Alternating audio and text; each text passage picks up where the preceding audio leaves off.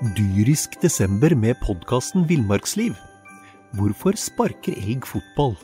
Og hvor ligger hoggormen om vinteren? Og hva er grunnen til at bjørnebinna har seg med alle hannbjørnene i området? Svarene på dette og mye mer får du i podkasten Villmarkslivs julekalender dyrisk desember, der du hører på podkast.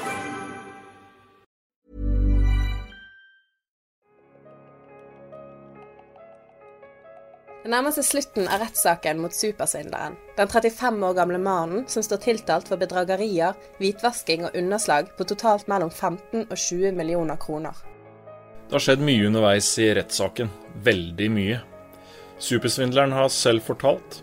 Påtalemyndigheten har lagt fram sin sak. Flere fornærmede har fortalt hvordan de har blitt lurt. Og kona til supersvindleren, hun orket ikke stille i retten. Og vi har hørt fra rettspsykiaterne deres vitnemål var det knyttet stor spenning til.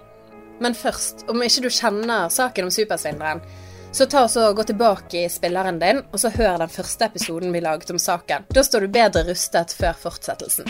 Vi som lager TA-dokumentar, er Juni Vendelin Fasting. Og Erik Edvardsen.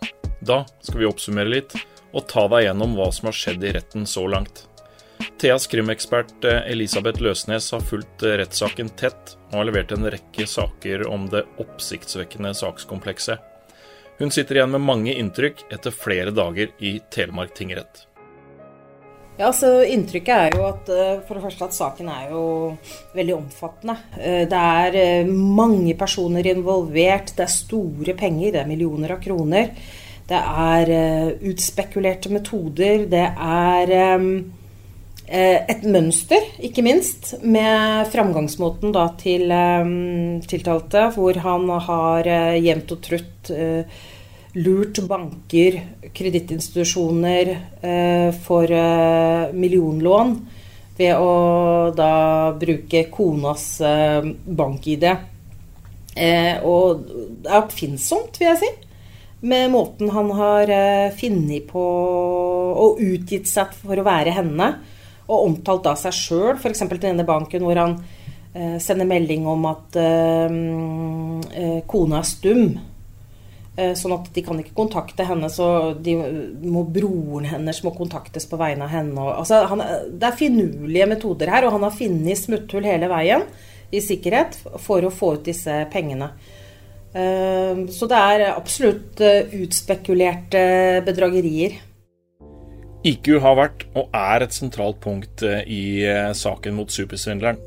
Før vi hører hva rettspsykiaterne har landet på, la oss høre hva supersvindleren selv sa til oss i første episode om denne saken. I henhold til rettspsykiater så har jeg tatt mange tester og den biten der, da. IQ og den biten der, så jeg har skjønt hva jeg er, da. Altså IQ på 100, det er normalt for vanlige folk. Mm. Er du under 70, så er du psykisk utviklingshemma. Okay. Jeg er 55.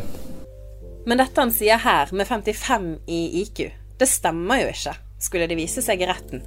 Igjen har supersvindleren løyet. Denne gangen for Thea Dokumentar. Fortell, Elisabeth. Hva ble egentlig sagt rundt IQ-en hans i retten? Ja, det har jo vært litt av et uh, show, uh, kan vi jo si. Uh, Thea Dokumentar var jo i fengselet i 10. mai og, og intervjua da tiltalte eh, den gangen.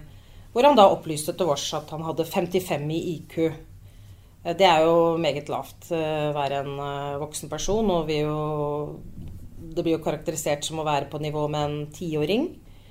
Ut fra hva en tiåring klarer å gjøre. Og så stussa jo vi også på at det kanskje ikke sto helt i stil med det vi så eh, i tiltalen. Og, og det har kommet ganske tydelig fram at, eh, og, blitt, eh, og det har blitt ført veldig mye bevis for og vært et stort fokus på at uh, dette kan umulig stemme. Og så var jo disse rettspsykiaterne det var jo de som konkluderte med dette. Men de konkluderte med at han hadde, etter å ha testa han og gjort masse målinger og diverse, så konkluderte de med at han hadde 61 i IQ.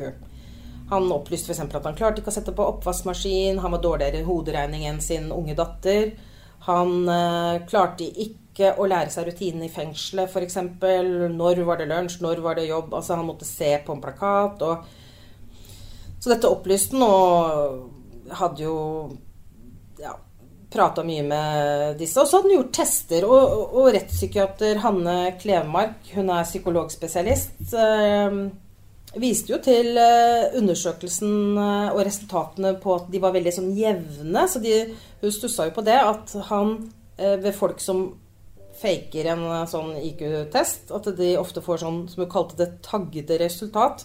At du på en måte ikke klarer å gjennomføre løgnene, da.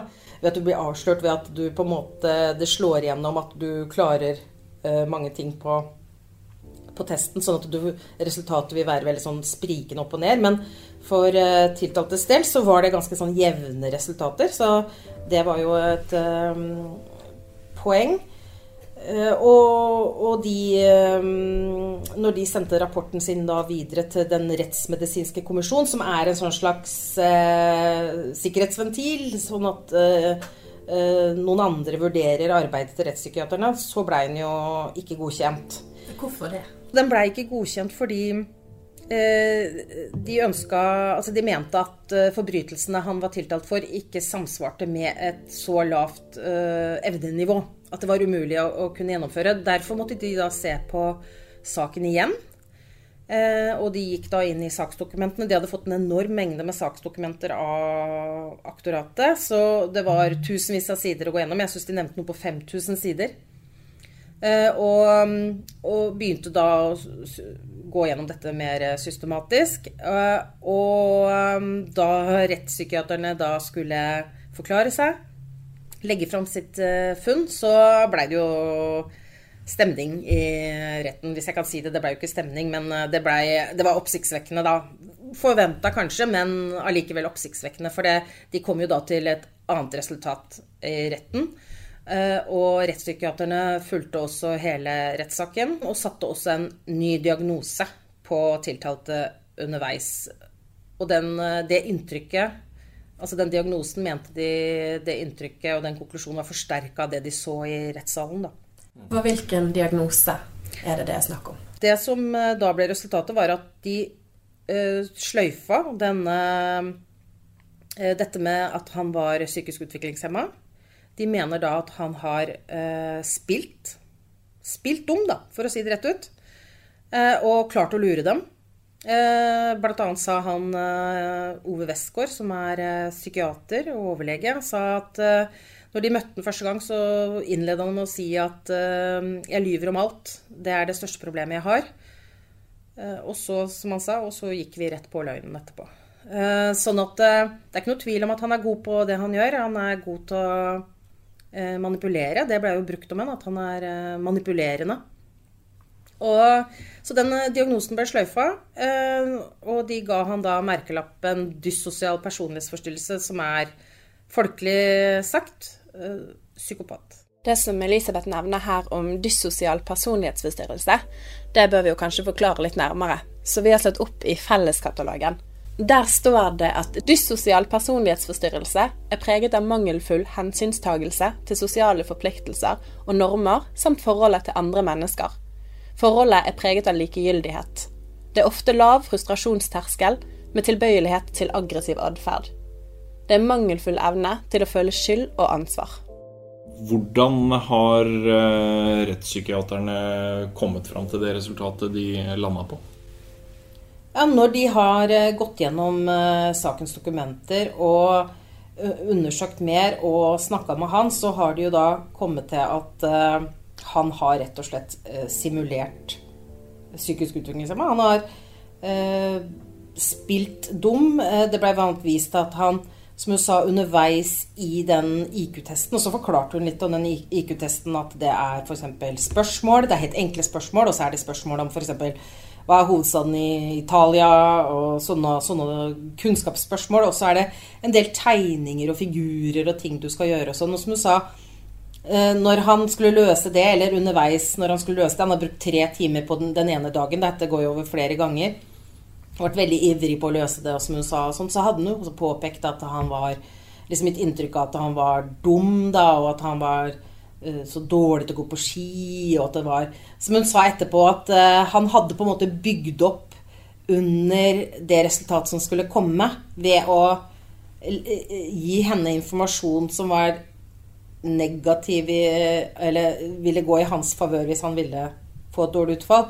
Så, så dette Hun fortalte jo litt om dette. Eh, og de var jo ikke i tvil, eh, rettspsykiaterne. De mener jo at han har et normalt intelligensnivå. Og at det rett og slett er manipulerende atferd tvers igjennom. Da. Så de, de blei jo lurt i første omgang. og Eh, det skapte jo reaksjoner eh, hos aktoratet, da, som hadde tatt kontakt med rettspsykiateren og spurt eh, har dere, og, og veileda dem og sagt dere må nødt til å se på disse og disse dokumentene og dette og dette og dette. Kan en person med 61 IQ klare dette? Og så hadde de da begynt å gå gjennom ting på nytt. Og, og, og da hadde de jo også fått tilbakemelding fra Den rettsmedisinske kommisjon om at de mente at en person med så lavt evnenivå ikke ville klare dette i det hele tatt. Eh, det ble også lagt fram karakterene hans fra videregående. Han strøyk ikke et eneste fag. Eh, hvis du er ti år og går i eh, kokkelinja, som han gjorde da, og det er jo en del akademiske fag der òg, du må ha norsk, f.eks. Han hadde tre i norsk skriftlig, han hadde ikke stryket der. Fire i engelsk, fem i gym. Han hadde det ble vist til ulike karakterer. Det lå eh, og firere i en del sånn eh, fagrelatert eh, Eller sånn fag knytta til, til mat, matfaget, da. Så eh, dette viste jo også at det ville ikke en person med så lav IQ kunne Nei, for, klart å gjennomføre. For da ville det jo vært som en tiåring, som du sier, ja. som gikk på videregående. Ja. Mm. Vi vet jo godt Lytterne våre har gått på skolen sjøl. Det er jo ja, Én ting er at du skal prestere på prøver og sånn. Du skal jo fungere på skolen. Du skal jo hele tatt skjønne hele systemet med at du må lese, du må gjøre, forberede deg. Altså du må ja, Det er mange ting her, så, så han ville jo falt igjennom her karaktermessig eh, hvis han hadde hatt eh, den lave IQ-en. Eh, så det, det, det, var jo et tema eh, som ble som ble Og det ble jo tema for Eh, for uh, rettspsykiaterne så hadde en person med så lav IQ ville ikke klart dette. Hva tenker du om at uh, rettspsykiaterne innrømmer her at de har blitt lurt i innledninga? Ja, det er jo spesielt fordi det er jo sagt at de fikk rundt 5000 sider med dokumenter i saken. De hadde tiltalen. De hadde tilgang på dokumentene i saken, hva som var gjort, hvor omfattende bedrageriene og underslaget, i hvert fall de bedrageriene var, da. Så det kan man jo uh, stusse litt på, for det, dette med rettspsykiatrisk undersøkelse det har jo stor betydning for de som er tiltalt, og for tiltalte spesifikt i denne saken. Uh, og, så kan man jo undre seg litt på at, uh, hvorfor de ikke kobla dette med at sakens kompleksitet da, Eh, knytta til hvilket resultat de fikk på emnenivå.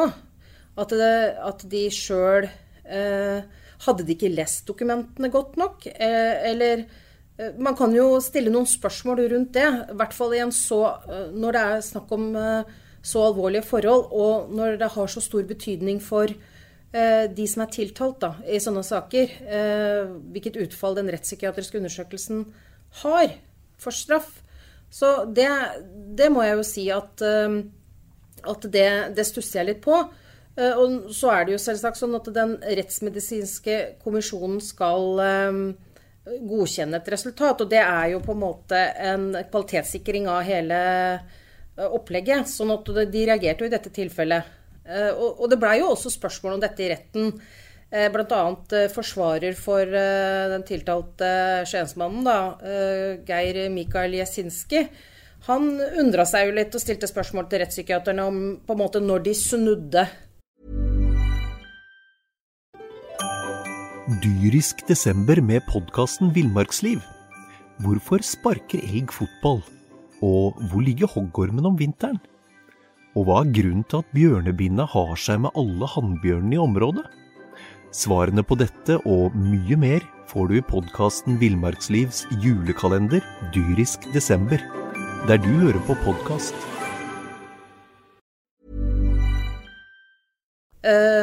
og ville vite Og på en måte antyda vel at det var aktoratet som hadde påvirka rettspsykiaterne i den retningen som det nå, som det nå blei. Men da svarte rettspsykiaterne at de, de, hadde da allerede fått tilbakemelding fra den rettsmedisinske kommisjonen og hadde da på en måte begynt å se på det på nytt, og at aktoratet hadde da ringt dem og, og altså pekte ut en del dokumenter som de burde se ekstra på, da, med tanke på det, eh, den konklusjonen de da hadde kommet til. Så, men alt i alt så må jeg jo si at eh, at jeg stusser litt. Dette er jo fagpersoner. Eh, de vet bedre enn det du og jeg og lytterne, eller mange av lytterne, det er sikkert noen som er kvalifisert blant lytterne òg, til å stille sånne diagnoser og på en måte ha dette i, i bakhudet og se Knytte det mot det som vedkommende er tiltalt for. Så det, er, det er et tankekors. Påtalemyndighetene har ført en rekke vitner i rettssaken for å vise hvordan supersvindleren har operert, og hvordan den fungerer. Et av disse vitnene er en butikksjef i Kiwi, hvor 35-åringen hadde stilling som assisterende butikksjef. Ja, det, det, kom fram, og det var jo sånn, eh, et ganske sånn knusende vitnemål for uh, tiltaltes uh, del.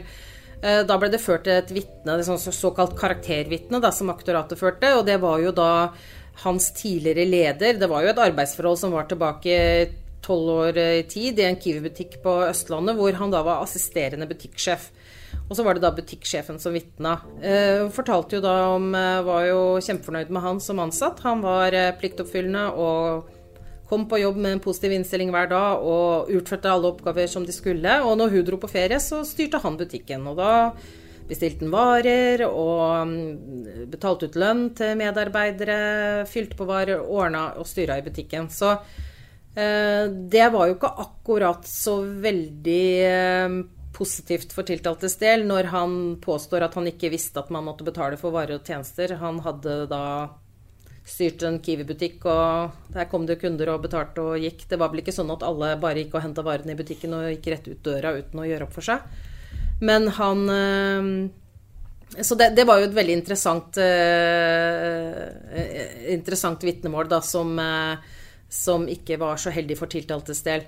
Eh, og så var det jo også sånn, Men det som skjedde, var at han gjorde det faktisk så bra at han ble da tilbudt sånn trainee-program i Kiwi. Så han slutta jo der og, og begynte i dette trainee-programmet og ble utplassert i diverse butikker. Men da gikk det jo også skeis, for det endte jo med at han fikk sparken fra det trainee-programmet. Han strøyk på den eksamen, og han stjal jo da eh, etter eget utsagn også varer fra de butikkene han var eh, utplassert i, så han gjorde jo underslag der, da så må vi en liten tur innom eh, kona hans også, for hun eh, skulle stilt opp i retten, men sånn blei det ikke. Nei, sånn blei det ikke. Eh, det var forventa at hun skulle forklare seg på torsdag, eller i hvert fall i forrige uke, skulle hun forklare seg. Eh, og da, da, hun skulle møtt, så tok bistandsadvokat Vibeke Hein Bæra ordet og la fram sykemelding for kona. Hun var rett og slett så psykisk utslått av hele situasjonen eh, at hun ikke orka å forklare seg. Eh, nå har det også vært sånn i denne saken at eh, vår konkurrent har navngitt vedkommende. Og um, det har vært veldig belastende for familien, forståelig nok. Det er jo snakk om flere mindreårige barn her, bl.a., som syns det er vanskelig en belastning. Så hun sitter jo aleine med barn. Er totalt ruinert. Har milliongjeld. Og um, sliter. Og så har det jo også vært sånn at Koda sjøl har jo vært etterforska underveis i saken. Altså, politiet har jo sett på muligheten for at hun var eh, med på det. Nå er det alle disse anklagene lagt til side. Eh, hun, eh, der er siktelsen Hun har vært sikta på et tidspunkt, det er frafalt. Og mm, politiet mener jo at hun ikke har visst om noe, at hun er totalt ført bak lyset, og at han har totalt manipulert henne også. Og hun har jo levd med denne mannen i jeg tror han mener det sa at de har vært sammen i tolv år og har blitt ført bak lyset hele veien. Det kom jo også fram underveis i saken at han er dømt tidligere. Vi, vi kjente jo til den 2017-dommen hvor han er dømt for eh, bedrageri, men han er jo også dømt i 2012. Og en av de dommene er jo at han eh, prøvde å lure Nav for foreldrepenger eh, ved at han da satte opp inntekten til kona, sin nåværende kone, eh, for å få ut penger. Men det oppdaga jo hun og meldte fra sjøl til Nav, og, og, dette ble han da dømt for. Sånn at um, etter det så har, eh, skal han da ha lurt henne. Han sa jo bl.a. at han var regionsjef i en stor kjede, og at han uh, hadde hjemmekontor i garasjen under korona f.eks. Og tidligere også bare reiste rundt og satt litt på kafeer her og der for å liksom bevege seg ute. da, Så at uh, hun trodde jo at han var på jobb og hadde jo full tillit til det. Så nåværende kone meldte faktisk fra den gangen?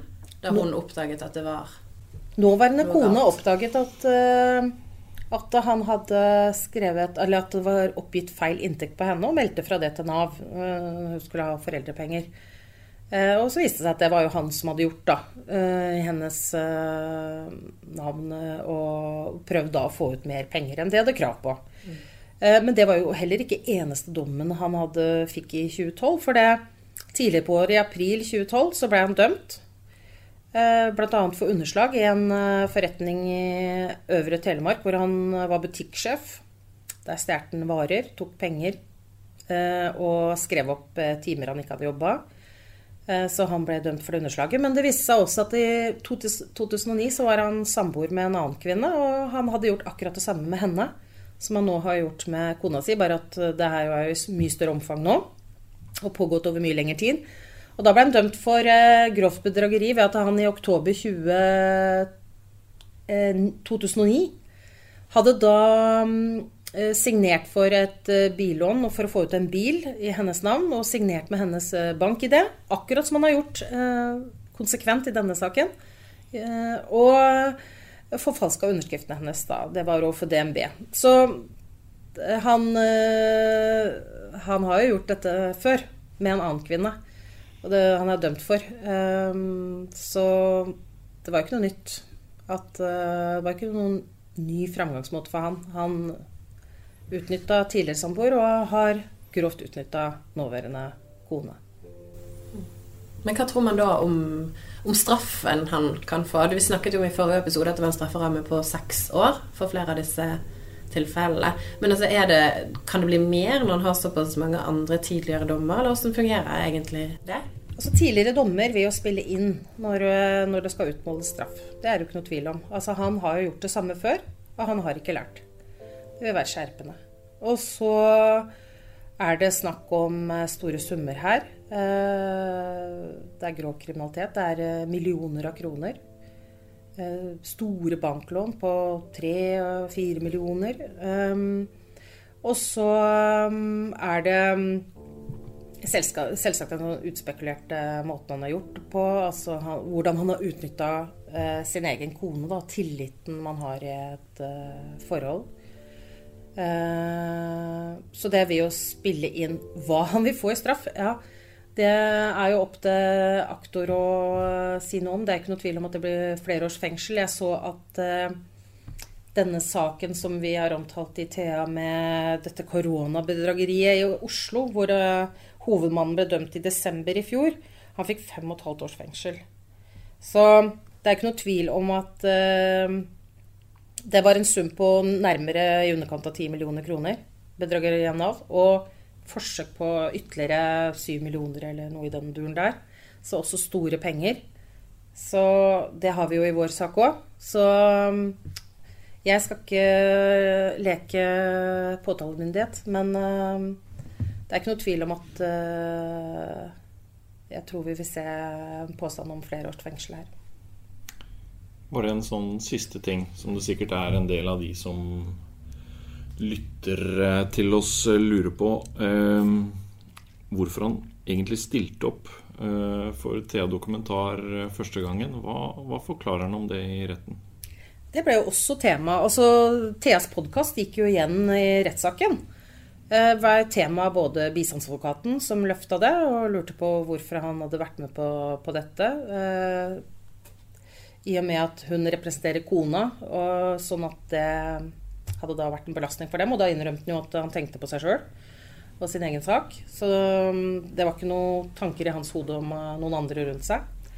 Uh, så ble det jo også spørsmål fra om um, uh, Det ble tatt opp av rettspsykiaterne når de gjennomgikk sin, uh, sin konklusjon.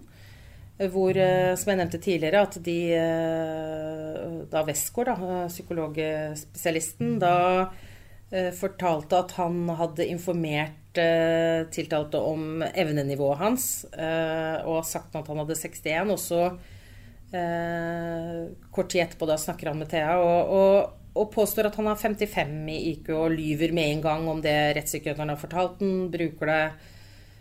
og rettspsykiateren uttalte jo da at når han hørte Theas podkast, så innså han at uh, han hadde løyet for han også, da. Uh, og fikk, uh, skjønte med en gang at de hadde blitt ført bak lyset. For det er jo det de rettspsykiaterne sier.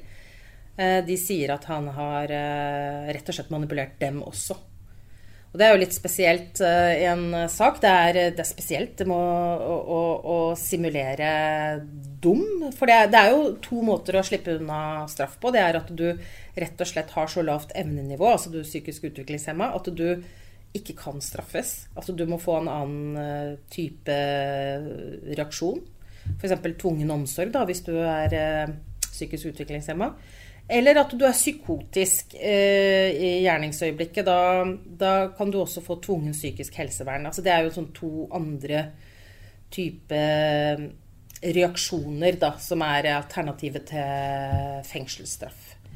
og da må jo visse vilkår være til stede. Og det Hvis vi skal spekulere litt, som vi kanskje har lov til i podkasten, så uh, synes det jo som at her har, man, har han prøvd å spille utilregnelig for å slippe straff. Men er det snakk om noe eh, kompensasjon til, til konen her, eller?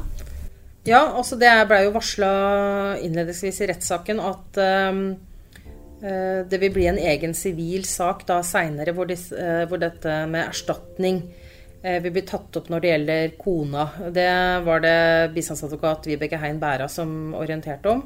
Så akkurat erstatning til kona i forbindelse med det hun har vært utsatt for, og disse eh, millionkrava som er retta mot henne. Og vi vet jo at eh, enkelte kredittinstitusjoner er ganske pågående. Det har vi sett i andre saker også, hvor de selv om man er uforskyldt i å havne i det og blitt lurt og er gjenstand for eh, kriminalitet, så, så henger de fortsatt på og, og krever penger. Uh, hun er jo gjeldsslave. Hun har milliongjeld. Og disse bankene og kredittinstitusjonene har jo lagt fram krav om erstatning. Og dette vil da bli behandla i en egen såkalt sivil sak, da ikke en straffesak, men en sivil sak eh, på et seinere tidspunkt. Når eh, ting er mer klart, da. Eh, så det vil ikke være en del av rettssaken nå. Om få dager er det klart for sluttprosedyrer i Telemark tingrett. Da får vi vite hva aktor og forsvarer mener om straffen for 35-åringen. Deretter trekker retten seg tilbake og avgjør en eventuell straff. Vi vil selvfølgelig komme tilbake til dere når den avgjørelsen faller. Thea Dokumentar er laget av Erik Edvardsen. Og Juni Vendelin Fasting. Ansvarlig redaktør er Ove Meldingen. Musikken er produsert av Simon Tekeste. Har du tips, innspill eller ideer? Kontakt oss gjerne på e-post til dokumentar.thea.no.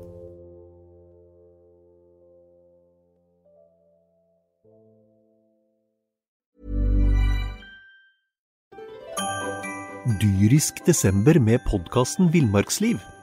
Hvorfor sparker elg fotball? Og hvor ligger hoggormen om vinteren? Og hva er grunnen til at bjørnebinna har seg med alle hannbjørnene i området? Svarene på dette og mye mer får du i podkasten Villmarkslivs julekalender dyrisk desember, der du hører på podkast. Har du et enkeltpersonforetak eller en liten bedrift? Da er du sikkert lei av å høre meg snakke om hvor enkelt det er med kvitteringer og bilag i fiken, så vi eh, gir oss her, vi. Fordi vi liker enkelt. Fiken superenkelt regnskap.